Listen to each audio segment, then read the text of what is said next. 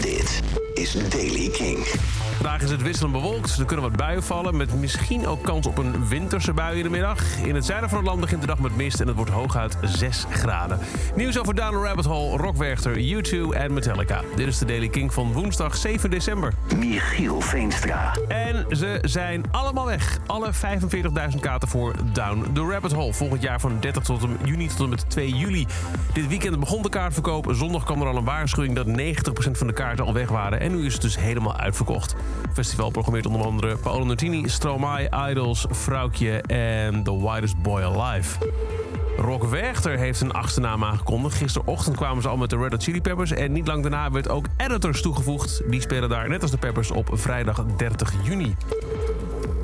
Reken maar niet op een U2-tournee in 2023. Althans niet als het ligt aan de drummer Larry Mullen Jr. Hij moet namelijk worden geopereerd en is daarom een tijdje uit de running. Dat staat in de Washington Post.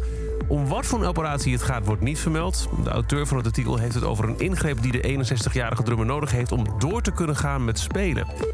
En de comeback van Metallica heeft veel online oplichters wakker geschud. Metallica heeft officieel nu hun fans gewaarschuwd voor talloze cryptocurrency-oplichters die actief zijn. Er zijn valse YouTube-accounts opgedoken die zich voordoen als Metallica, bijvoorbeeld onder de naam Metallica Live, in een poging om fans op te lichten en cryptocurrency te kopen van loesje websites. Metallica legde op social media uit wat er aan de hand is en moedigt aan om al deze nep-accounts te blijven rapporteren. In de nasleep van ons nieuws van vorige week over ons nieuwe nummer, album en tour, zeggen ze, kwam helaas ook de lelijke kant van social media naar voren. Velen van jullie hebben ons al op de hoogte gebracht van YouTube-kanalen en livestreams, net als websites die beweren Metallica crypto-weggeefacties aan te bieden in combinatie met die aankondiging van vorige week. Maar laten we duidelijk zijn, dit zijn oplichters. Blijf ze rapporteren en als je echt zeker wil weten dat je met ons te maken heeft, al onze officiële social media kanalen zijn geverifieerd. Dus check even de blauwe vinkjes. Tot zover deze editie van The Daily Kink. Elke dag een paar minuten bij met het laatste muzieknieuws en nieuwe releases. Wil je nou Abonneer je dan op de Daily Kink in de Kink-app. En voor meer nieuwe muziek en muzieknieuws luister je s'avonds om 7 uur naar Kink in Touch.